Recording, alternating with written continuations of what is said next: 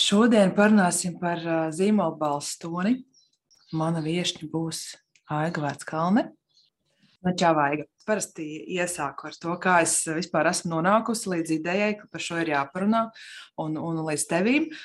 Nu, man zīmola balstonis vispār ir viena lieta, ko es stāstu teju ikvienā meistarklasē, visur, kur jāpastāst par zīmolu. Un, uh, burtiski pirms nedēļām, divām, es no, nosklausījos, noskatījos arī tavu meistarklasi, kur tu runā tieši par, par valodu. Un man likās, ka mums ir noteikti jāparunā, jo uh, man ir viedoklis un kaut kāda pieredze, un savukārt tev ir pilnīgi cits skats un bagāža, kā par šo parunāt. Un, uh, un tas uh, viens no tiem pamudinājumiem, kāpēc es sapratu, ka šāda saruna ir vajadzīga, jo nu, ir vajadzīgs tāds paplašinājums šim te kas tad ir tas balss tonis. Un tāds spilgts piemērs man ir, es reiz saņēmu tādu vēstuli, vienkārši atnāk vēstule no nepazīstama konta Instagramā, un ir divi vārdi. Ir piedāvājums. Un man tāds pats. Nevis par to, ka nu, nepieklājīgi ne, nu, nesaka labdien, vai ko tas pat nav par to, bet par to, cik ļoti tā ir palaista vējā iespēja ar valodu un vārdu atstāt nu, tādu patīkamu iespēju un, un arī reāli nu, man to ziņu uzrakstīt un pateikt. Nu, lūk, un tas ir tas nu, lielais pamatinājums, kāpēc es par valodu vispār vēlos parunāt. Bet uh, pirms mēs sākam, lūdzu, iepazīstiniet mazliet ar sevi, pastāstiet, kas ir tā tā ikdiena, kā tu ar valodu strādā. Jā, paldies, Diana, par, par aicinājumu. Paldies, ka noskatījāties Amarālas meistarklases. Es eh, vispār esmu priecīga tevi satikt klātienē, virtuāli, bet, bet uh, virtuālā klātienē un dzirdēt tavu balsi, kas runā ar mani, jo ir pierasts tavu balsi dzirdēt podkāstā vai Instagram tiešraidēs. Jā, es esmu valodniece. Mana ikdiena tiešām arī paiet vārdu pasaulē, gan um, tulkojot, gan rediģējot, gan rakstot, gan pētot. Vadu arī dažādus seminārus piemēram, par, par valodu mārketingā, par valodu sociālajos tīklos, par lietišķo sarakstu un tiem sveicieniem, kā arī esmu pasniedzēja Vēnspils augstskolā, kur arī studēju doktorantūrā, arī valodniecību. Labi, nu tad parunāsim par to, kas, kas ir tas balss tonis zīmols un kā mēs to varam izmantot savā labā. Man ir kādreiz, kad es esmu vadījusi kādas meistarklases vai lekcijas jauniešiem, es viņiem pēc tam saku, ka jūs man drīkstat rakstīt, Bet vēstulē ir jābūt korekti noformētai. Ja viņa tāda nav, es paturu tiesības neatbildēt. Kā tu skaties uz to, nu, kā mēs veicam vispār šo komunikāciju un kā mēs uh, sūtām ziņas nu, tam saņēmējam, nu, kam tur ir jābūt, lai tas būtu cienpilni, saprotami, nu, jēdzīgi? Kā tu to redzi? Jā, un tev pilnīgi taisnība, ka tas viss patiesībā, nu, tā vispārīgi runājot, ir saistīts ar ar zīmolu balss toni, vai nu tas ir mūsu personīgais zīmols, vai kā mēs sev parādām, vai tas ir mūsu uzņēmuma zīmols. Un man liekas, ka ir tādas nu, pamatu, pamatlietas, ja, un tās bieži vien mēs dēvēt arī par rūpēm, par lasītāju, jo gal galā mūsu vēstījumā, kas ir publisks, vai nu tā būtu vēstule, vai tas būtu kāds ieraksts, nav nekā svarīgāk par lasītāju. Un mums viss ir jādara, lai, lai, rad, lai šīs rūpes paustu, Nu, nevis tāpēc, ka nu, mēs tur gribam būt super, super empātiskie, kas, protams, arī ir svarīgi, bet arī tāpēc, lai to komunikāciju padarītu iedarbīgāku, padarītu uh, vieglāku, padarītu ātrāku, saprotamāku, lai panāktu to, ko mēs vēlamies sasniegt. Un, manuprāt, tas, kas ir pamatu pamats, protams, ir, ja mēs runājam par vēstulēm, tā ir sasveicināšanās un pēc iespējas cilvēku uzrunāšana vārdā, atrast laiku, pat ja mēs nezinām, kā cilvēks sauc, atrast laiku, sameklēt, atrast piemērotāko sveicienu, lai tas nav nu, tāds pārāk neformāls, bet arī nav pārāk stīvs, jo stīvumam un pārlieku lielai formalitātei mūsdienās arī ir arvien mazāk piekritēji un ar vien mazāk vietas. Mēs dažkārt šo stīvumu, formālumu uzskatām par tādu vēsumu. Un vēl mūsdienu jaunās rūpes par lasītāju, mūsdienu, nu, to mēs teikt par jauno empātiju, tā ir vēstules pārlasīšana pirms sūtīšanas. Ļoti svarīgs, svarīgs darbiņš, kas jāizdara, nu, protams, gan lai novērstu kļūdas, bet arī lai sakārtotu to, lai struktūrētu, lai tā būtu loģiska, lai izdzēstu lieko. Jo arī liekā mūsu rakstos ir tik daudz, un arī tas apgrūtina lasītājiem dzīvi. Mm. Man ļoti patīk tajā meistarklasē, ko tu vadīji. Viņi bija ļoti strukturēti, un tur bija daudz praktiski padomu. Tas viens, ko es tā ļoti spilgti atceros, bija par to, ka pārlasīt nu, kāds trīs reizes un dzēst ārā lieko. Un es arī īstenībā Es kaut kā agrāk to neapzināti biju darījusi, un tagad es tā ļoti rūpīgi tam pievērsos, ka ir vārdi, kas ir lieki, kurus var aizstāt, kas atkārtojas, un tos es ņemu ārā. Un es pat šodien vēl kārtīgi uzgooglēju, gribēju zināt, kurš ir pirmais, kas to ir teicis. Tas ir Blēsīs Paskāls, kas to ir teicis, ka, piedod, man nebija laika uzrakstīt īsāk. Jo, jo īstenībā, ja tu spēj kodolīgi un mēr, nu, tā ir tāda mērķa uzrakstīt ziņu, tā, nu, tā ir māksla, lai uzrakstītu gari plaši, īstenībā ir daudz vieglāk. Protams, jā, nu, tur jau ir. Mēs jau bieži vien ejam to vieglāko ceļu. Nu, tāds dabiskais slinkums mums ir. Un, protams, uzrakstīt gari ir vieglāk.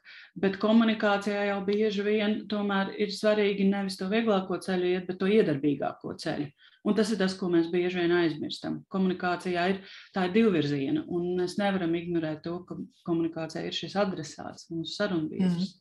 Jā, tad, kad es runāju par balstu tonu, par stāstu, kam, kam jāpievērš uzmanība. Tad pirmais jau ir tas, tas, ko tu arī pieminēji pirms mirkļa, ka tā ir tāda tā tonalitāte, jeb reģistrs, vai ne? Kā tu runā, vai tev ir tur čau, labdien, sveiki, nu tā kā kāda ir tā, tā uzsākšana, un pēc tam vēl, kas ir interesants, ja nav tikai par ēpastu, vai ne? Arī, arī Instagramā, nu var sasveicināties. Es, es pat Jā. bieži vien arī skatos, vai mums tā saruna ir iesākusies šodien vai vakar. Tas nozīmē, ja tā ir vakar, tad uh, ir jāatņem sveiciens, nu, ka viņi tas nav tāds turpinājums. Tā kā nu nepaslinkot uz to. Un, un, un zīmola balss tonis ir arī vārdi, ko mēs lietojam vai nelietojam. Un tas iet kopā gan ar to veidu, kā mēs izsakāmies, bet arī tiešām tīri praktiski. Nu, vai mēs lietojam žargonus, piemēram, vai, ne? vai mēs lietojam, nu, labi, lamu vārdu varbūt nav gluži ja zelta standarts biznesā, bet nu, kaut kādas lietas, kā mēs saucam lietas. Jā. Un, un, un, tā, un es tev pilnīgi piekrītu, ka mūsu uzdevums ir servēt to cilvēku ar informāciju un izvest viņu cauri tādam tā ceļojumam. Un, un te es arī, man, man ļoti svarīgi, tā, ka mēs šo runājam, tas arī nu, praktiskas lietas iedot arī klausītājiem. Man ir tā sieviešu virtuālā kopstrādes telpa, mm -hmm. un uh, es tur ik pa laikam nodarbojos ar dresūru. Tad, kad cilvēks vienkārši ieliek, piemēram, tikai saiti uz kaut ko, vai ļoti īsi, vai skopi, vai kā reiz ļoti gari, Te var būt tiešām divi grābļi, ļoti īsi vai ļoti gari, bet nepasakot to galveno. Un tad es, nu, kā savu pienākumu, rakstu klau, bet, nu, kas tas ir? Kā tas ir ar tevi saistīts? Kāpēc tu vēlēsies, lai tu izlasi, ko tu vēlēsies, lai es nu, kā, nu, no tā izdaru, kā izvest cauri šim ceļojumam? Jo, ja mēs to neizdarām, mēs īstenībā apzogam paši sevi un šajā gadījumā arī savu uzņēmumu, nu, biznesu. Jā, tā ir. Nu, jā, un tas nozīmē, ka mūsu uzdevums ir noservēt ar informāciju cilvēkus un to izdarīt tādā nu, patīkamā veidā. Un tieši tā kā tu teici, ne, ka tas, tas prožektors ir uz to informācijas saņēmēju. Tas ir tas veids, kā, kā, kā runāt. Un arī nu, bieži vien, kad mēs runājam par zīmola balss toni, tad jau mēs uzsveram, ka tas nav tikai tas, ko mēs sakām, bet kā mēs pasakām. Tur gan šis tonis, šis reģistrs, kaut kādas nu, lietas, kas ir ārpus, ārpus valodiskas, ja, un kas arī ļoti svarīgs. Nu, piemēram, tu pieminējies par šo īsumu un garumu. Man gribētu teikt, ka tāda viena no būtiskākajām lietām nu, rakstīšanā un vispār, un es domāju, arī saistībā ar, ar mārketingu un zīmolvedību ir ir šī mērķis, ja, kādēļ es kaut ko daru. Es zinu, ka tu arī bieži vien par to, par to runā arī savās tiešraidēs, ka saprast vispirms, kas, nu, kas ir tas, kāpēc es kaut ko daru. Un arī katram ierakstam, katram tekstam, katrai vēstulē tam mērķim cilvēkam ir jābūt skaidram. Jo skaidrāks būs mērķis, nu, piemēram, es publicēju šo saiti, jo es vēlos, lai, vai es publicēju šodien šo ierakstu Instagramā, lai panāktu to tad arī būs kodolīgāks teksts. Un ne tikai kodolīgāks, bet arī enerģiskāks, vieglāk uztverams. Jo kas notiek, kad mēs to mērķi neizdomājam? Tā gandrīz vienmēr ir liekvārdība. Nu, 99% gadījumos tu man iedos dažādas tekstus, un es tev pateikšu, te bija mērķis, te nebija mērķi. Un kas notiek? Lasītājs vienkārši neizlasa ne, ne līdz beigām. Jo viņam sākumā ir tik daudz frāžu, ar kurām jātiek galā. Vēlos jums šodien pastāstīt, vēlos padalīties. Nu, tie ir tādi procesi, vai ne? Nu, dalies jau, stāsti, ko tu gribi pateikt. Es esmu tāds kodolīgs un izdomā pirms tam pats sev, kāpēc tu to vēlēsies darīt. Varbūt tev tas nemaz nav jāraksta tajā ierakstā. Man ir aizdoms, ka tā ir tāda tā kā, no attaisnošanās, kāpēc es tagad zogu tavu laiku. Jā. Un zodz vēl vairāk laika. jā, jā. un zodz vēl vairāk. Lai tā vietā, lai nu, ķertos pie lietas un izstāstītu stāstu. Kā, kā tev šķiet, nu, tagad nu, no skolas laikiem? Man literatūra ļoti patīk. Man bija latviešu valodā varbūt ne tik labi, bet, bet teiksim, tajā stāstījumā man, nu, man patīk rakstīt. Nu, es atceros, nu, kā tur ir virsraksts, ievads, tur iztirzēms, viss tā kā lietas. Vai tas joprojām arī attiecās uz ikdienas komunikāciju, uz vēstulēm, lietušķo saraksti, uz mārketinga materiāliem, vai mēs tur joprojām šos pašus principus izmantojam? Tie principi ir vienādi, tāda vispārīgi runājot. Protams, ka ir vienādi tādā ziņā, ka ir jābūt struktūrai. Katram dokumentam, katram uh, teksta veidam, varbūt tā struktūra būs atšķirīga, bet struktūrai ir jābūt. Un tas, ko mēs domārakstos uh, rakstījām, tur jau patiesībā nu, ir tāda stāstniecības struktūra savā ziņā. Ir, ir kaut kāds ievads, vai tu ieintriģē, vai tu izstāsti nu, to pamatu, par ko tad ir runa, un tad kaut kādā brīdī ir kulminācija, un tad kaut, kaut kādā brīdī ir nobeigums.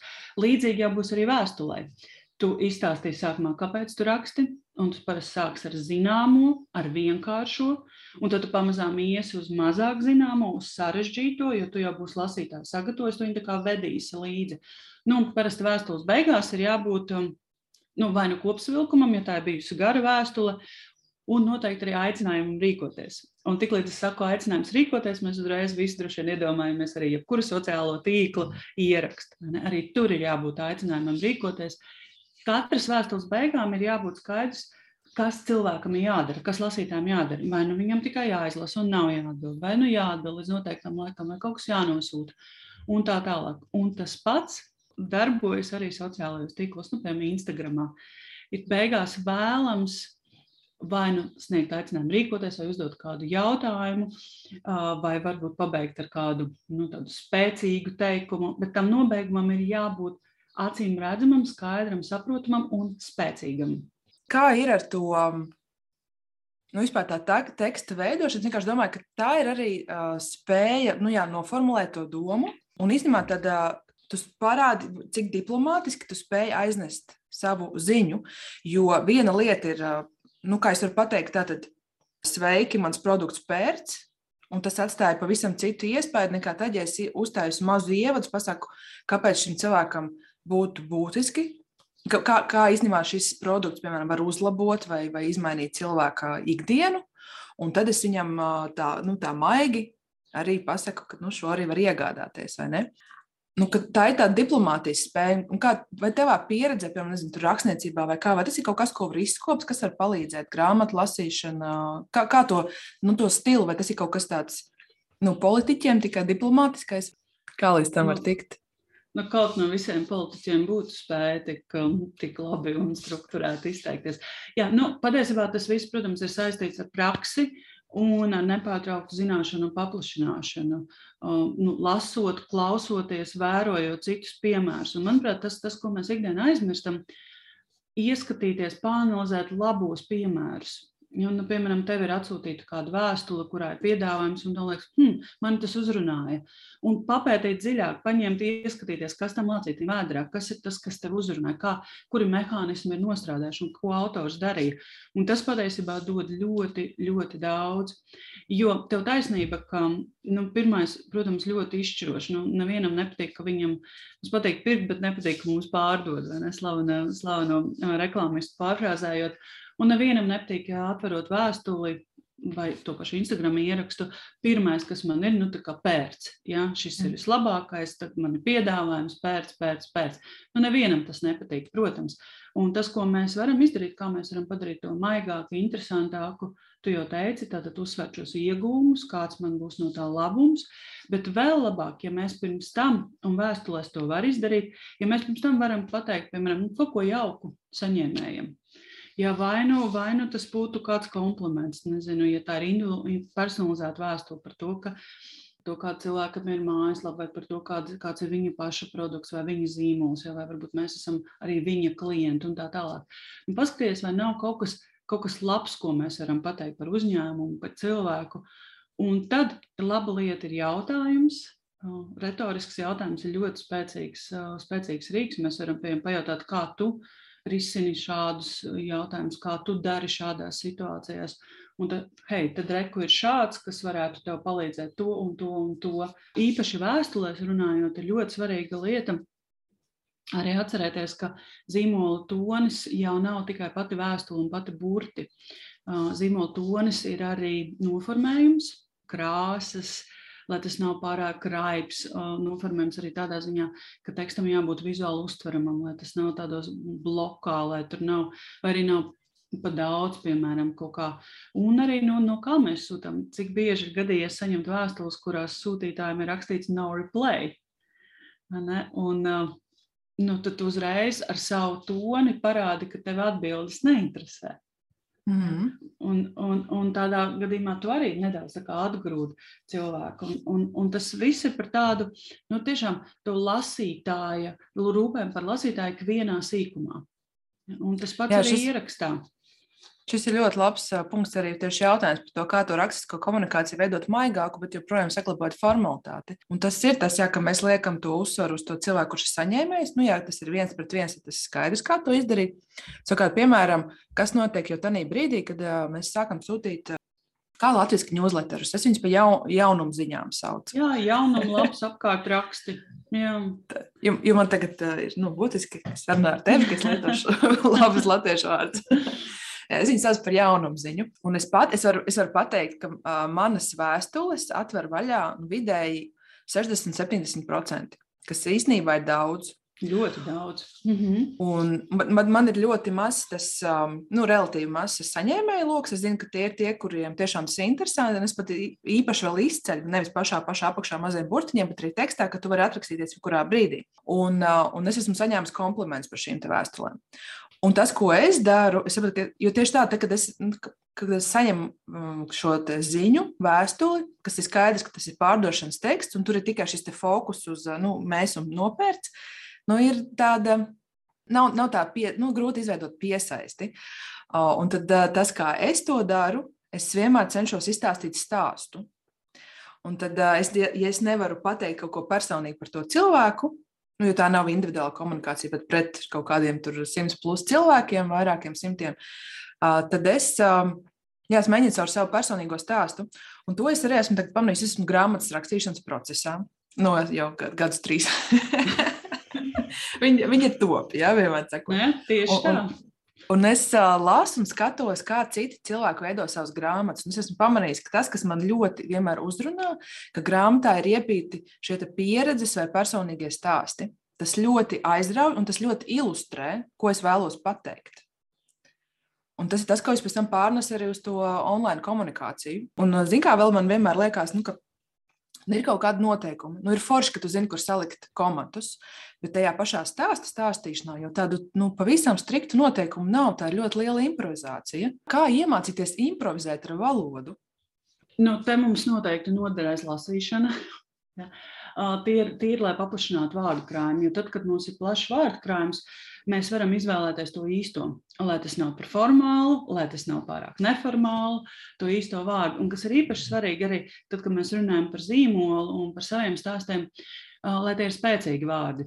Jo to arī pieteikumā šai mūsu sarunai teica par garšīgumu. Ne? Garšīgs teksts, garšīgi sagatavots kaut kas. Un to var panākt tad, ja vārdi, ja ar vārdiem mēs spējam uzburt šo tekstu kīno, šo vizualitāti.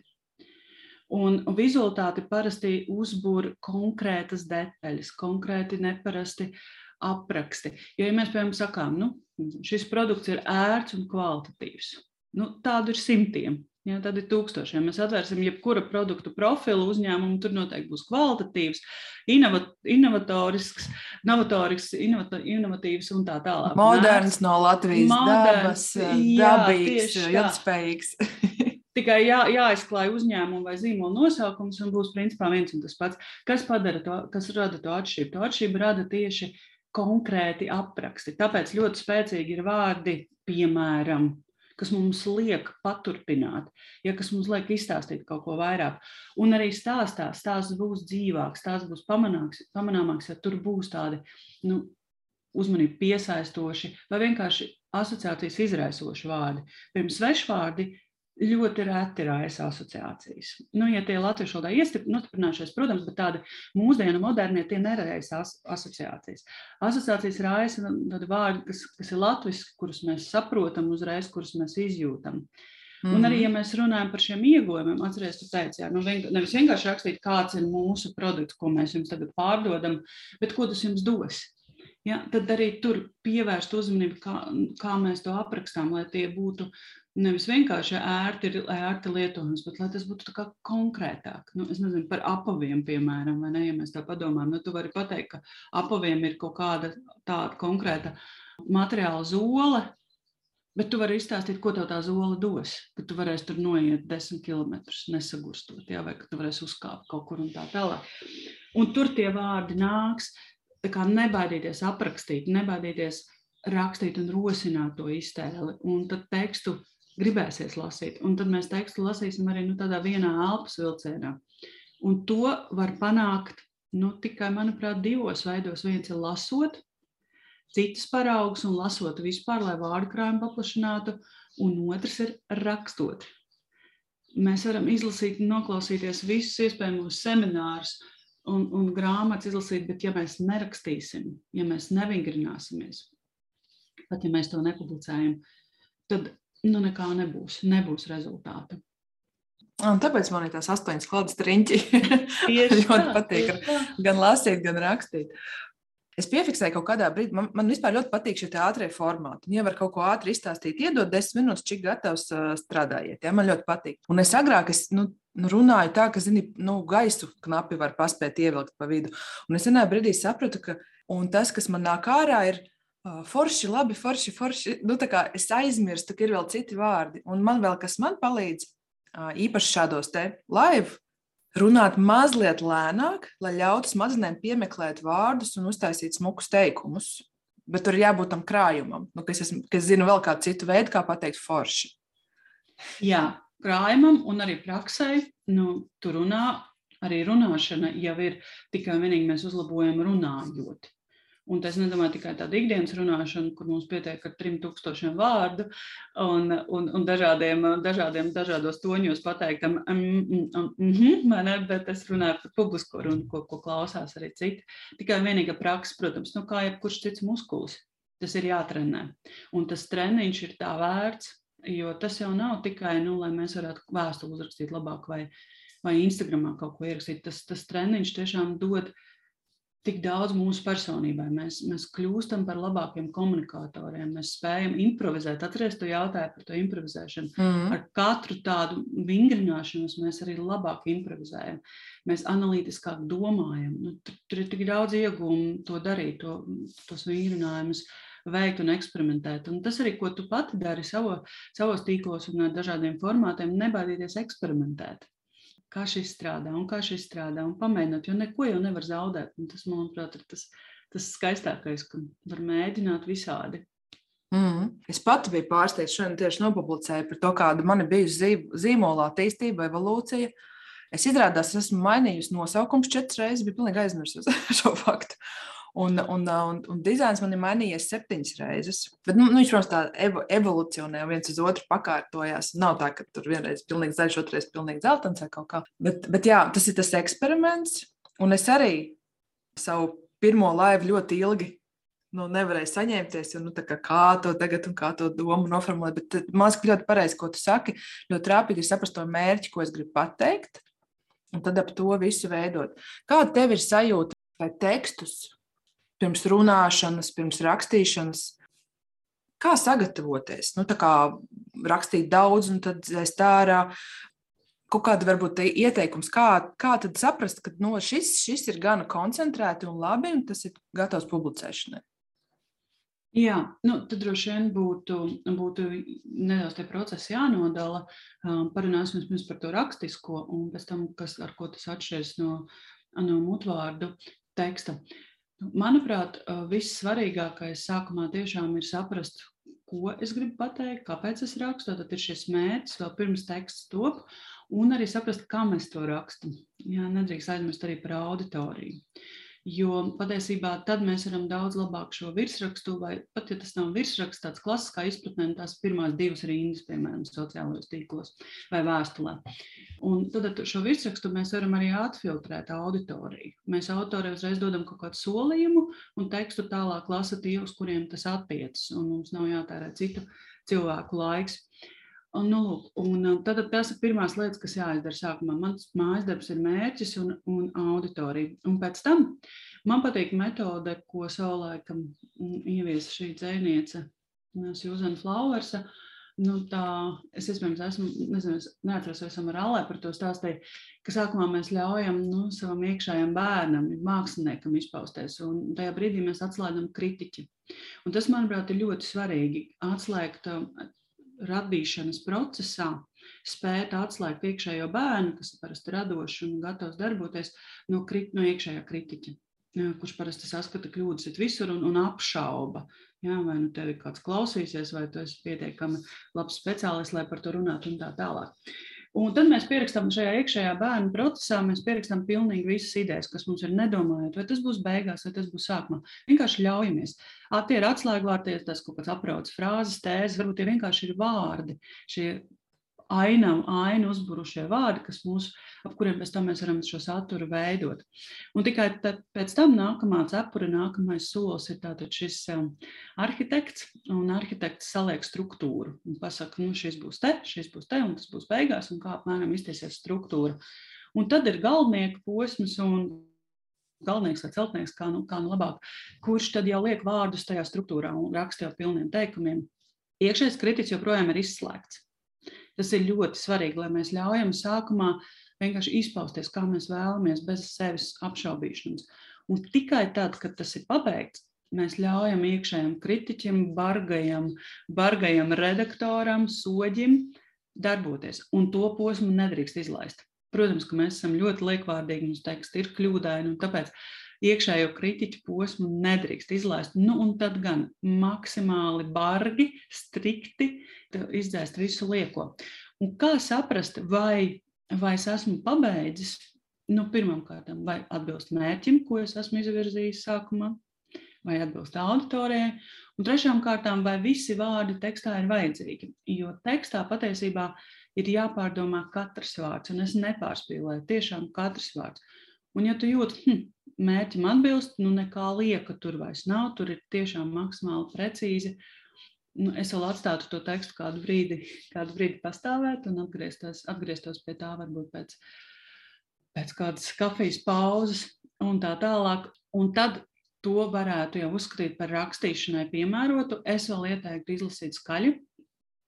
Lasīšana skaļi dara brīnumus. Jebkura teksta, ko mēs gatavojamies publicēt, pirms tā sākuma izlasiet skaļi, un jūs redzēsiet, kur varbūt ir pa garu teikumi, kur vajag kaut kā uzsvars pamainīt, vai kur vajag um, salikt komatus, ja, vai komatus nevajag un tā tālāk. Un, protams, runāšanai, ja mums šis teksts ir jārunā, nu, tur vēl sako citi posmi. Mums eh, ne tikai jālasa skaļi, mums šis teksts maksimāli vairākas reizes ir jāatkārto, jā, jācenšas norunāt un jā, jācenšas norunāt arī bez skatīšanās lapā, lai padarītu to dabisku. Jo ar ko atšķiras rakstisks teksts no dabiska teksta, no mutvāra teksta, mutvāra teksts ir dabisks, un mēs vienmēr, vienmēr var atklāt, ka kāds lasa vai ir iekalis no galvas. To pilnīgi vienmēr var pateikt. Ātrāk mēs to darām, viss ir tāds stīvāks nedaudz. Un, jā, un tāpēc ir vērts to tekstu pielāgot maksimāli savai runai. Īsināt, pārkārtot un kaut kādā brīdī atkal, atkal padomāt, vai tur ir viss, ko es vēlos pateikt. Mm -hmm. Es mhm. skatos, Līga ir uzrakstījis, ka neprot atslēgt iekšējo kritiķi. Jā, man arī gāja ļoti grūti ar iekšējo kritiķi. Es ilgu laiku vienkārši nerakstīju vispār man liekas, ka, nu, ko tad es varu pateikt? Es apšaubīju katru vārdu gan no tādas vajadzības, gan no jēgas, gan no pareizības viedokļa, un rezultātā es nerakstīju. Un tad es sapratu, nu, ka man kaut kā nu, vienkārši ar piepūli jāmēģina nodalīt. Un kādam citam atkal iekšējā kritika nav. Viņš publicē visu, kas, kas, kas tā prātā. Tā kā jā, par to, par to ir vērts apzināti, apzināti domāt. Mm -hmm. Man liekas, ka par rokai ir tāda, tas ir The Artist Way, Julija Kamerona. Viņas grāmatas arī kādu gadu lasīju. Nu, tur ir 12 nodaļas, viņa gāja cauri. Man, man tas palīdzēja saprast, kā es veidoju tekstu. Arī nu, sākt rakstīt, man ir liela A4 klāta pierakstīta, un tas, tas treniņš noteikti man, man palīdzēja. Tā kā šā, šāds te rīks, jo es arī ne, nepiedzimu tā uzreiz, tad superīgs vēstules rakstot. Bet tā. Es uh, vēl mazliet gribēju atgriezties pie sākuma, kad mēs runājam par to, ka mēs uh, nu, sūtot ārā savu informāciju, mēs esam nu, tie, nu, mūsu pienākums ir noservēt ar informāciju un pateikt visu, ko mēs šeit vēlamies. Tad, restīvi, aizvest šo cilvēku ļoti mērķiecīgi, veidojot savu dienas kārtību. Tad, tad piemēram, kaut kāda ziņa, kurā ir lūk, izlasi šo, un tad ir links. Un kā, cik liela ir varbūtība, ka es gribēšu uzspiest, nezinot, kas tur ir? Un atkal otrs, kā salāgot ar to, lai būtu intriga, bet nepateiktu vēl pilnīgi visu. Tas tāds uh, nu, plus mīnus retorisks jautājums, bet varbūt tev ir arī kāds uh, padoms par šo. Nu, jo man, piemēram, tīzeri nepatīk, ļoti nepatīk. Bet es zinu, ka ir daudz, daudz kuriem patīk. Bet jā, cik daudz atklāt, lai cilvēks arī aiziet un izlasītu to, ko es gribu, lai viņš izlasa. Jā, šis ir, šis ir labs jautājums. Man liekas, ka ir jāatklāj nedaudz vairāk nekā mazāk. Jo, ja mēs atklāsim par mazu, var gadīties, ka cilvēks vispār nesapratīs, par ko tas ir, un, un pārskries tam pāri. Un, savukārt, ja mēs atklājam nedaudz vairāk, nu, piemēram, tur ir raksts ar desmit ieteikumiem. Nu, es improvizēju šobrīd. Nu, varbūt mēs varam to vienu ieteikumu izcelt uzreiz. Ja. Vai, vai, ja ne tos ieteikumus, kāda būs tā iegūma izlasot. Un atkal mēs nepasakām visu priekšā, bet mēs cilvēku ieintriģējam. Un tas mums ir vajadzīgs, tad, kad mēs kādu informāciju saņemam, mums patīk, ja mēs zinām, par ko ir runa. Mums nav jātērē laiks. Nu, tipiski ir, piemēram, kad pārsūta vēstules. Un ir cilvēki, kas vēstules pārsūta bez, bez nekāda komentāra. Un cilvēki, kas pieliek FYI, saīsinājumu, ja, for your information, un viņiem šķiet, nu, tas ir atrisinājis visu. Bet patiesībā tie, kuri pieliek teikumu klāt, tie ir ieguvēji. Un to vēstules visticamāk arī izlasa, kas ir tajās pārsūtītajās. Tā kā, tā kā tur es saprotu, ka nevajag atklāt par daudz. Protams, nu, tas atkal tu, patiesībā kādu jēgu sūtīt saiti.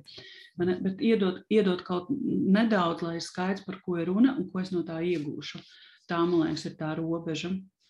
Mm. Šis man ļoti atgādina to Facebook šērošanas, da, dalīšanās funkciju, kur ir bieži vien cilvēki izlasa šo baigi labi.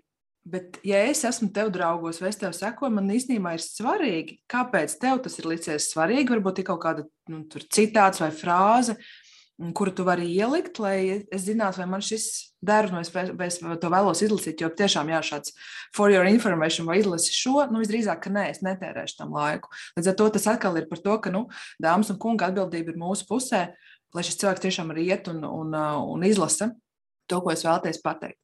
Vakar bija ļoti labs piemērs, izmēs izcēlu šo Danar kasti, bija mhm. apkopojusi, tagad neatceros, cik viņai tie posmi bija, septiņi vai desmit kāda ir radošuma posma, kā, kā, kas var notikt. Un viņa viņas bija visas ielikusi, bet kur bija tas āķis, tajā pilnajā ierakstā savukārt varēja dabūt ieteikumu, kā šim blokam tikt pāri, kas katrā no šiem posmiem var rasties. Un tas, man liekas, bija ļoti labs tāds veids, kā arī ientriģēt, tad iedot šo te kontekstu, par ko ir runa, bet uz to garāko tekstu un paskaidrojumu, nu, joprojām ir interesanti aiziet izlasīt, ja? tad, kā, tad, kā tad es ar šo tieku galā. Vai nav tā, ka īsie neatklātie uzsaukuma teksti tiek uztverti kā, kā spams?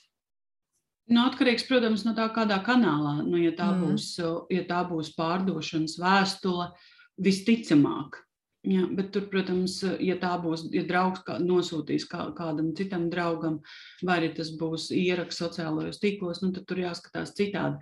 Bet, jā, jo mazāk mēs atklājam, jo lielāka iespēja, ka teksts neatrod mūsu auditoriju. Mm. Es vakar Jā, skatījos, ja, ja nav, nav tā priekšstāsta pirms tam. Tieši tā, jo es vakar skatījos, bija pie Kristīnas Bētikas grupā kādu ierakstu, un tur arī bija, piemēram, hobijs vai darbs. Nu, tas bija virsraksts. Man gribas vairāk, man gribas saprast, par ko būs runa. Vai tas būs runa par cilvēku profesiju, kurš to raksta, vai tā būs runa par kaut ko citu. Man gribas vairāk tā konteksta. Mm. Pats, pati ievirs ir fantastiska. Kā ideja lieliska, bet hobijs vai darbs ir drīzāk tavs pierakstu kladē ideja, ko tu varētu rakstīt. Bet es kā tavs lasītājs gribu uzzināt vairāk, pirms es lasu. Tas arī tāds savu veidu solījums, ko tu dod. Un jo vairāk tu atklāsi, jo nu, tavs solījums būs, būs spēcīgāks. Bet, protams, ir ļoti svarīgi, un to mēs nedrīkstam aizmirst, ka, ja tu kaut ko soli virsrakstā, tad tev arī tas solījums jāpilda. Un nevajag darīt kā bieži vien ziņu portālos, ja, kur virsraksts ir tāda e, klikšķa ēsma un, un tekstā ir kaut kas cits. To noteikti jā, tas solījums jāpilda, ko mēs, ko mēs dodam. Tas ir kā teātrī, vai ne? Ja pirmajā cēlienā parādās šautena, viņai kaut kad ir jāizšauj. jā, jā, perfekti, jā, tieši tā. Bet ar, ar tiem virsrakstiem ir ļoti interesanti. Es klausījos vienu ārzemju lektori, Un viņai viens no tiem punktiem, kā izveidot jā, labu tekstu, ir, nu, kad es reizes 30 uzrakstīju tos virsrakstus. Nu, es esmu paslīnku, es 30 taču nevaru uzrakstīt, es varētu padomāt, nu, divus, trīs. Bet es esmu pamanījusi, es, nu, es nezinu, to jūs varat komentēt, protams, no malas, vai tas nostrādā, bet es vienmēr savu tekstu Instagramā sāku ar, bet arī grupā, arī Facebook grupā. Man ir mans rokraksts, ja? tad ir divas čērsvītras, un tad ar lieliem burtiem ir um, nu, virsraksts vai tēma, lai cilvēkam būtu mm, nu, tāds āķis, kāpēc lasīt tālāk? Mm -hmm. Bet cik ilgu laiku, nu, vai tiešām būtu jā, jāeksperimentē ar 30 dažādiem virsrakstiem, un tu smuki pateici to klikbaitu, es jau aizmirsu, kā viņi tur klikšķi ēsma.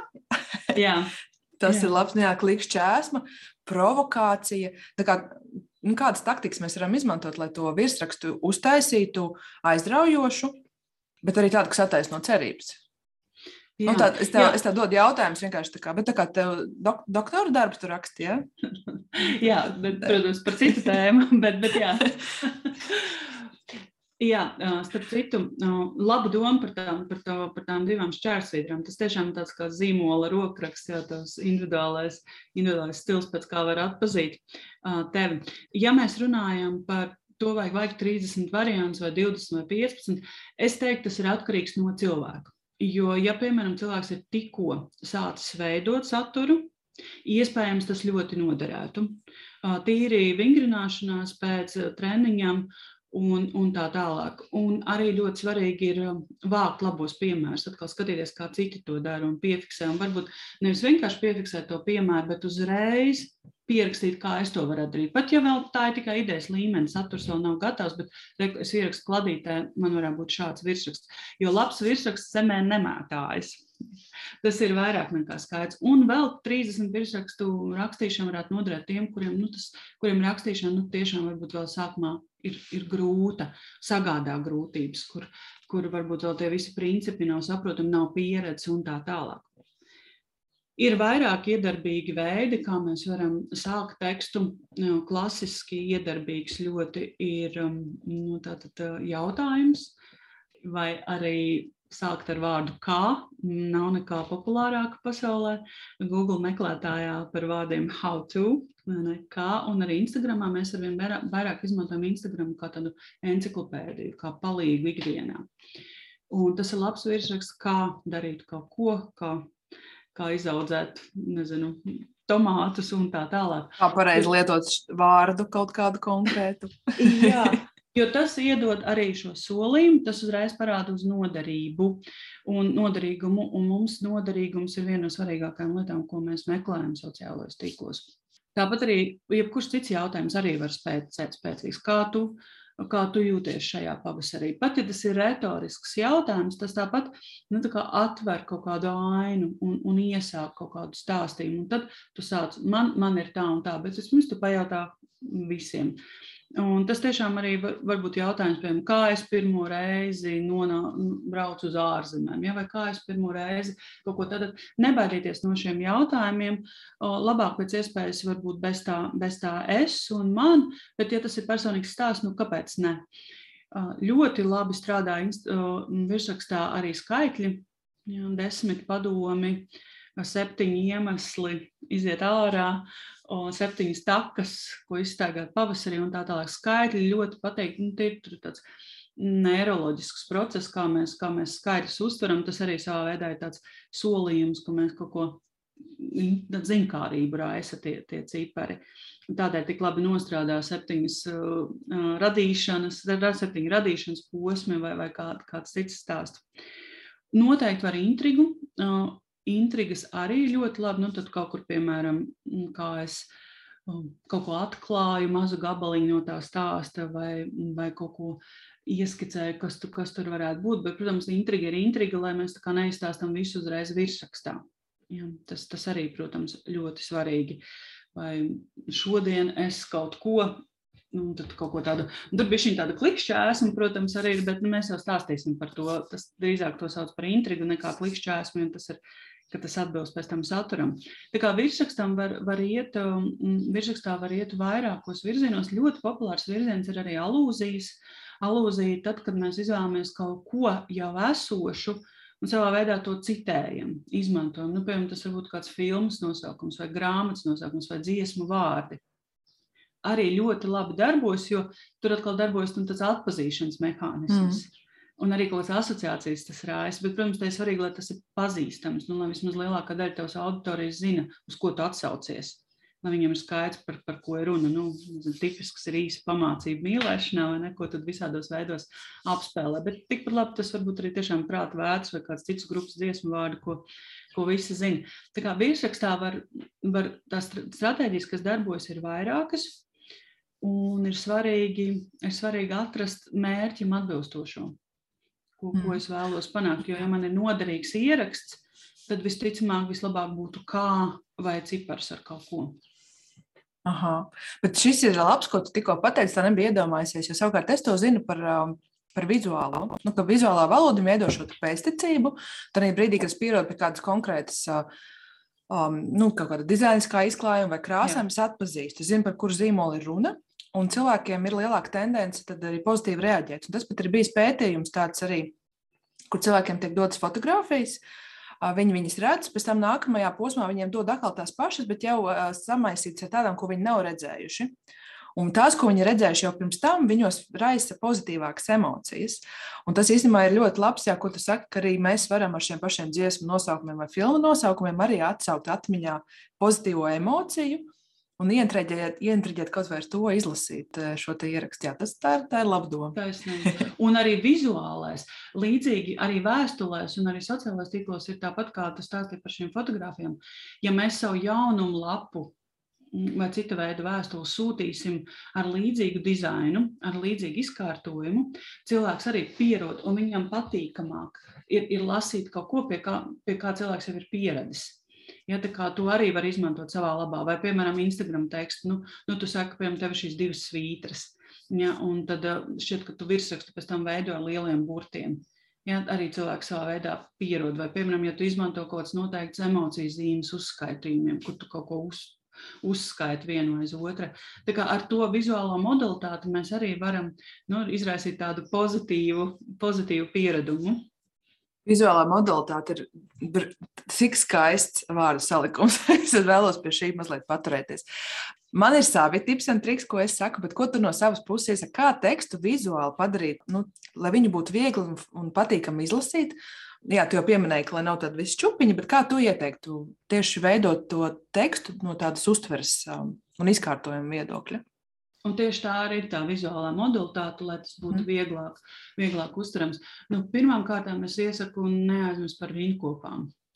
Un nerakstīt divas lielas rinkopas vai pasargties vienu lielu rinkopu.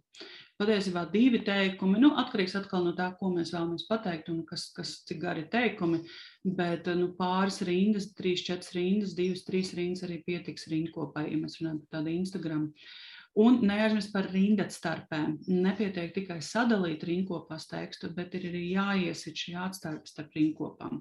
Tas ir ļoti svarīgi. Ja jūs paņemsiet jebkuru tekstu tagad Instagramā, kur būs un nebūs rindatstarps, atkal garantēti, ka lielākā daļa teiks, jā, tas ir vieglāk uztverams. Tāpat arī noteikti palīdz salikt visas pieturzīmes pareizi un atstarpes ļoti traucēja atstarpju nav. Nu, piemēram, ja es komatu cilvēks neieliek atstarpi, vai gluži otrādi pirms komata ir atstarpi ielikta. Mm. Vai ir kāda mistisks, piemēram, daudz punktus un uzreiz jautājuma zīme, izsaukuma zīme vai vairākas izsaukuma zīmes, tas viss ļoti traucē, apgrūtina uztveri. Pieturzīmēm ir jābūt gan pareizi saliktām, gan arī vizuāli noformētām, tā lai netraucē. Nekam nevajadzētu tekstā traucēt uztverēji lai tekstu var izlasīt šajā vienā elpas vilcienā. Daudz punktu. Tas ir interesanti, vai ne? Jo tas tā kā ko par dizainu arī saka. Labu dizainu tu nepamani, tu pamani sliktu jā, dizainu. Tieši tā, jā, tieši tā. Jo visa galvenais jau ir, lai cilvēks izlasa šo jēgu, lai cilvēks par vēlas lasīt. Nevajag to apgrūtināt vai nevajag, nevajag tam traucēt. Daudz punktēm, nu, vieta ir tikai, es teiktu, tikai dzējā daudz punktēm ir vieta nav nepieciešams. Nu, tad labāk pasēdēt, izdomāt, ko es vēlos pateikt, nevis piecreiz ierakstīt daudz punktu. Emociju zīmes ļoti labi. Mm, es uzskatu, ka noteikti vajag un, un drīkst. Nevajag pārspīlēt, nevajadzētu ar emociju zīmēm aizstāt vārdus. Un nevajadzētu aiz katra vārda, nu, labāk teikuma sākumā, teikuma beigās, rinkopu sākumā, ļoti labi aizstāt uzsvērumu. Uzsvērums nevajag tur zvaigznītes vai svītriņas, lai kaut ko uzsvērtu viena aiz otra, bet tieši emocijas zīmes un vēl labāk izvēlēties sev raksturīgu krāsu, mm, vai varbūt produktam ir kāda raksturīga emocija zīme, ko var atrast. Tas arī ļoti palīdz. Un, protams, atdalīt virsrakstu un nobeigumu. Lai, lai starp tiem noteikti ir indats starpi, lai cilvēks var saprast, jā, šis ir virsraksts, un ar acīm arī atrast šo, šo nobeigumu, ko no manis, kas no manis tagad tiek sagaidīts, ko man tagad darīt. Tas ir mm. tāds, ko, ko, ko par struktūru domāt. Nu, protams, druks kļūts arī ļoti ietekmē um, vizuālo tās traucē. Tāpat traucē pārāk daudz tekstu, kas ar lieliem burtiem rakstīts.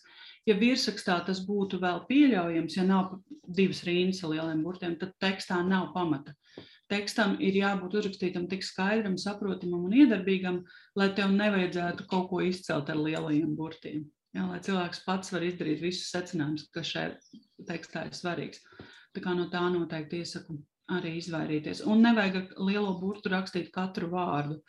Latviešu valodā nav jāraksta ar lielo burtu vārdi, kas nav īpaši vārdi. Angļu valodas ietekmē bieži vien redzu ka ar lielo burtu gan ir mēneša nosaukumu uzrakstīt, dienu nosaukumu, vai ja cilvēks vēlas kaut ko izcelt. Nevajag. Tu izcēl citā veidā, tu izcēl ar to caur šo stāstu, caur vārdu izvēli, un tu ļauj pašam lasītājam izdarīt secinājumus. Mm.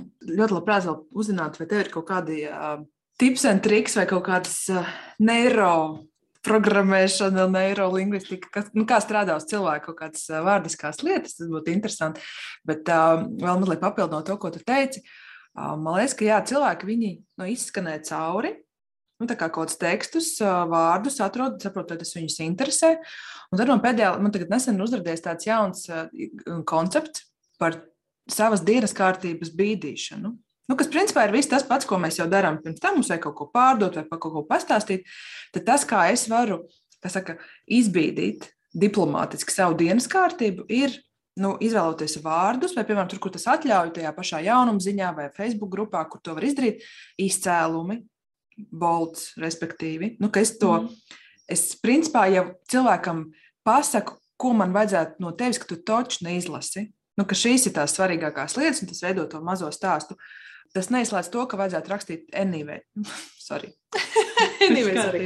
Jebkurā gadījumā tā kā kodolīgi, mm -hmm. bet es joprojām varu, nu, es, es tā savās jaunumziņās daru. Es izceļu ar trakniem burtiem un sarkano krāsu galveno teikuma domu, divus, divus trīs vārdus, Un tā kā nu, vada to stāstu ar to. Bet, jā, Klau, nu, tā kā tu visu kaut ko mācies un, un, un, un, un, un pasniedz, un tā vai ir kaut kādi Jā, nu tad es, es nezinu, nevaru atrast īsto to vārdu. Neirolingvistika, neiroprogrammēšana, neiro kaut kas, kā, kā cilvēki. Nu, mēs te runājam par to, ka nu, atstarp komats nepareizajā vietā. Varbūt mēs paši pat pieļautu šo kļūdu, bet tad, kad viņu mēs redzam citiem, mēs viņu uzreiz pamanām. Vai ir kaut kādas vēl tādas lietas, kas nu, tādā zemapziņas, apziņas līmenī ar mums strādā tekstu? Nu, mums ļoti strādā labi pozitīva izteiksme, pozitīva valoda. Zinu, ka to nu, bieži vien to saist ar tādu amerikānisku pieeju pārdošanai, vai ne? Tad, kad tu runā tikai pozitīviem vārdiem, neizmanto vārdu problēmu, uzrunā cilvēku vārdā piecas reizes sarunas laikā. Bet patiesībā nu, tas ir tāds tā galēji. Bet, ja mēs nos, ieskatāmies vispār pozitīvā izteiksme, proti apgalvojumi, nevis noliegumi, un vārdi, kas raisa pozitīvas emocijas, asociācijas, tie ir daudz iedarbīgāki. Un mums, nu, tīri neiroloģiski, jā, mums patīk dzirdēt, lasīt vārdus, kas, kas raisa kaut ko pozitīvu. Nu, piemēram, ieguvums, ne, ne, nevis, nevis problēma vai, vai trūkums vai vēl kaut kas, vai drošība, ļoti spēcīgi vārdi.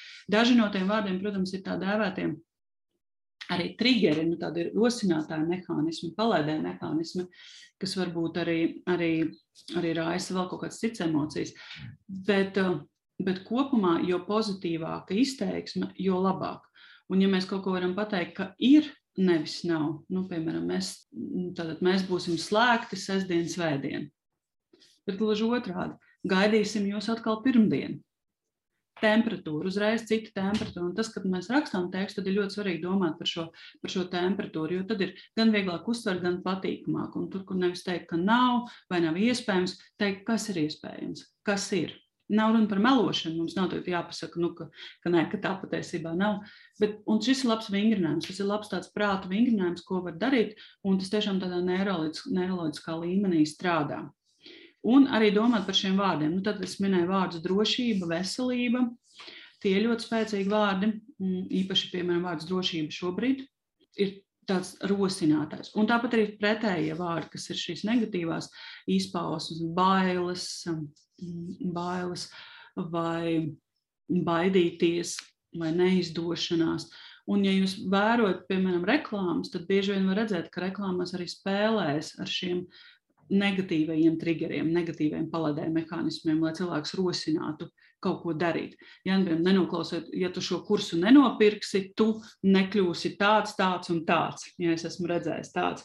Un tā ir šī spēlēšana tādu ar cilvēku. Ar cilvēku kādām bailēm, ar cilvēku kādu tādu nedrošību un tā tālāk. To var dažkārt, bet es iesaku pārāk neaizrauties. Labāk pēc iespējas šos pozitīvos tieši izmantot. Mm. Un, un pavērojiet, vienkārši jebkuru vārdu rakstot, padomājiet, nu, kādas emocijas tas raisa, tas raisa jūsos. Vai tās ir labas emocijas vai netik labas, un labāk ir censties tās labās emocijas kultivēt. Mm. Nu jā, šis arī ļoti labs, man liekas, mm, padoms ir, kā tos pašus pārdošanas tekstus veidot, ka īstenībā jau šādā veidā tu arī to savu dienas kārtību veido, ka tu saki, kas ir iespējams, ko var nopirkt, kas pie manis ir, vai ne, nevis kā man nav, vai nu, tā kā tā. Un, Jā. un tas var, jo daudziem ir tā baila pārdot, nu tā kā pārdot, lai gan, ja, nu, ja tā padomā, ja jūs nepārdodat, jums nav biznesa. Nu, tā kā tas tā. neiet kopā.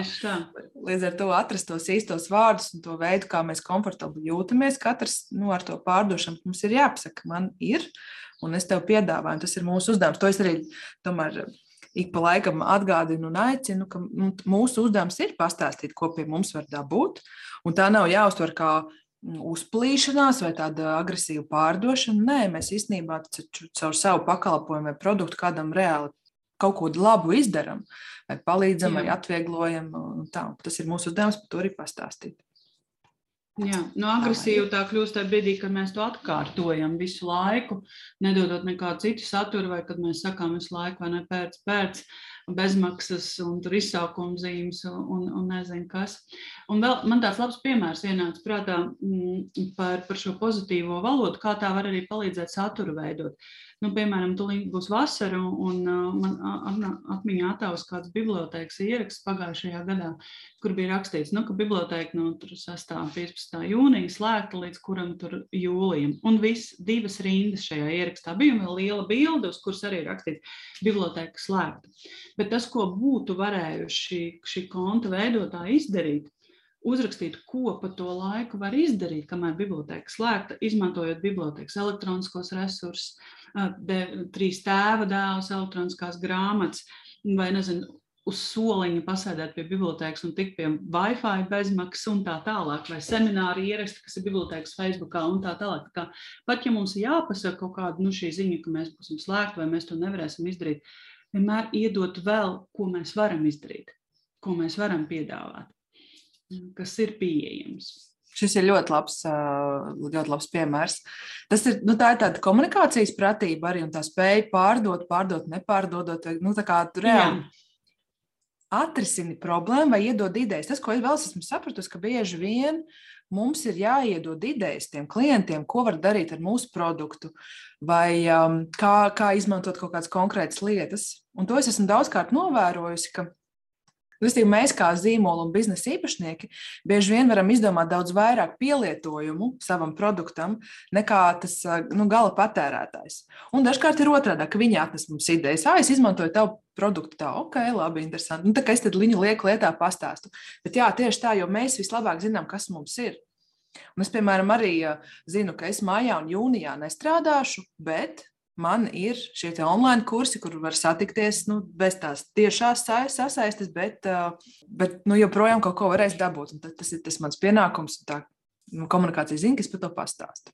Šis ir ļoti, ļoti labs piemērs. Jā, to mēs katrs, katrs zīmols varam apdomāt, ko mēs neesam izstāstījuši, kādas vēl lietas var pieminēt. Uh, Un, un tieši tā, un nevienmēr tas ir obligāti tieši tikai mans pakalpojums, kā biblioteka. Ja? Tā kā paņēmu grāmatu, atdevu grāmatu. Nē, tu vari pasēdēt blakus, ir tas Wi-Fi vai kaut kāds elektroniskais katalogs. Varbūt cilvēki nav aizdomājušies pat par to. Un Jā, tieši tā. Ideja. Un ja, un ja tu viņam to nepateiksi, tad nu, viņi vēl vairāk par to neaizdomāsies. Mm. Nu, Reta, kā tā valoda tik interesanti, jo tur ir gan tas, kā mēs rakstām, kā noformējam, ko izstāstām, kā tas vizuāli izstāsta. Man ir vēl viens piemērs, uh, bieži vien savā lekcijās piemin to, ka nu, tas zīmols jau veidojas no detaļām. Un viens ir, kā mēs runājam, kādus vārdus izvēlamies, bet, piemēram, kaut vai rēķins. Kurš ir teicis, ka rēķinam ir jābūt tādam neglītam Excel failam ar nu, tikai tur MK noteikumi tādi un uz, uzliku tikai tā. Viņā taču var parādīt arī savu raksturu, tur kaut vai dzēju ieliec, ja vajag, vai, vai kaut kādu grafisko zīmi, vai, nu, kaut kā paskaidro, man, piemēram, ir mans SIA nosaukums, un man rēķina augšā rakstīts Dienas Nikītinas uzņēmums. Jo savādāk tas nosaukums, nu, viņš jau neko nepasaka pats no sevis. Un tad ir nu, šis papildinājums. Bet vēl viena lieta, mēs jau diezgan forši, mēs jau stundu runājam. Man liekas, ka mazāk. Tas jābeidz, man jā. lekcija sāksies pie studentiem. Es tev tūlīt jautā. jautā. Es tev tūlīt arī laidīšu prom. Es gribēju parunāt par par latviešu vēlmi ļoti izmantot liriskus izteiksmes līdzekļus. Ko tu par tiem saki?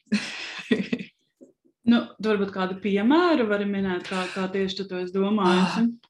Nu, agrāk, tā, nu, es tāpēc nevarēju lasīt latviešu blogus, jo man nenormāli nepatīk, kā, kā tiek rakstīti tie raksti. Bet, nu, tur tā kā, nu, pieņemsim, Saustriņā apspīdētā zilā vainadziņa atblāzmā es ieraudzīju šo skaisto skatu pāri likteņu upi Daugavu.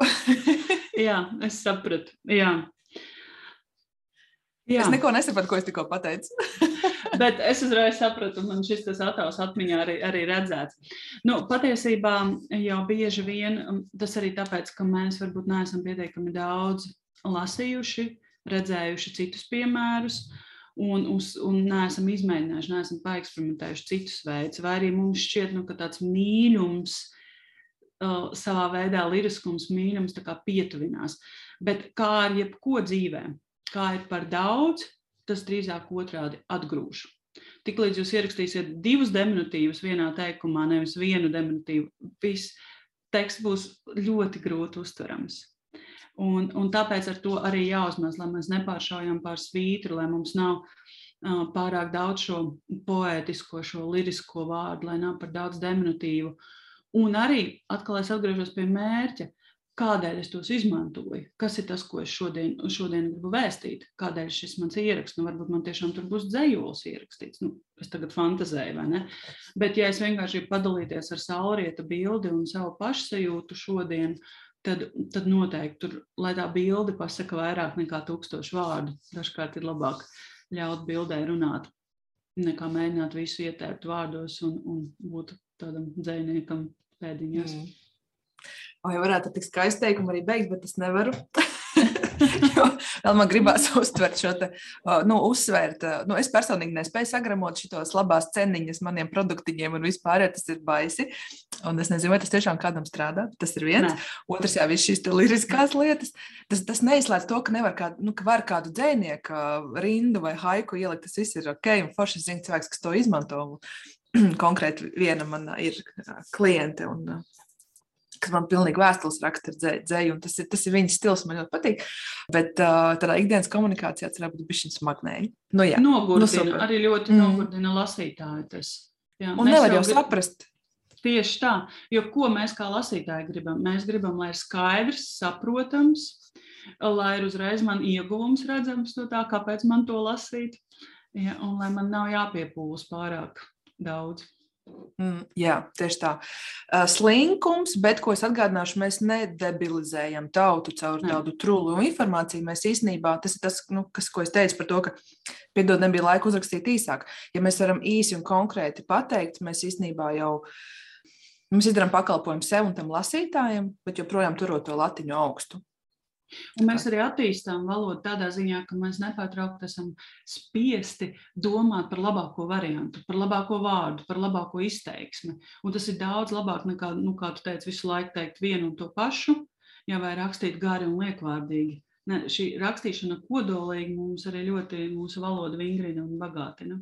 Mm -hmm. Super, tieši tā. Nu, labi, Aigas, tev ledīšu šo lasīt lekciju. Es vēlējos tev pateikt paldies. Tu man pēc tās lekcijas, nu, ko es nostājos tavu to meistarklasī, tu man iedvesmoji runāt um, tā, nu, skaists teikums, veidot lēnāk. Es, es no tevis ļoti daudz īstenībā iedvesmojos. Tiešām tas ļoti noderēja viss, ko tu teici. Tā kā liels paldies! Paldies! paldies Un man apusēji, tu arī ļoti iedvesmo ikdienā. Man ļoti patīk vērot un, un klausīties un lasīt to, ko tu veido. Liels prieks! Super! Paldies visiem, kas klausījās! Tiekamies atkal vēlāk! Jā, Atā. labi. Atā.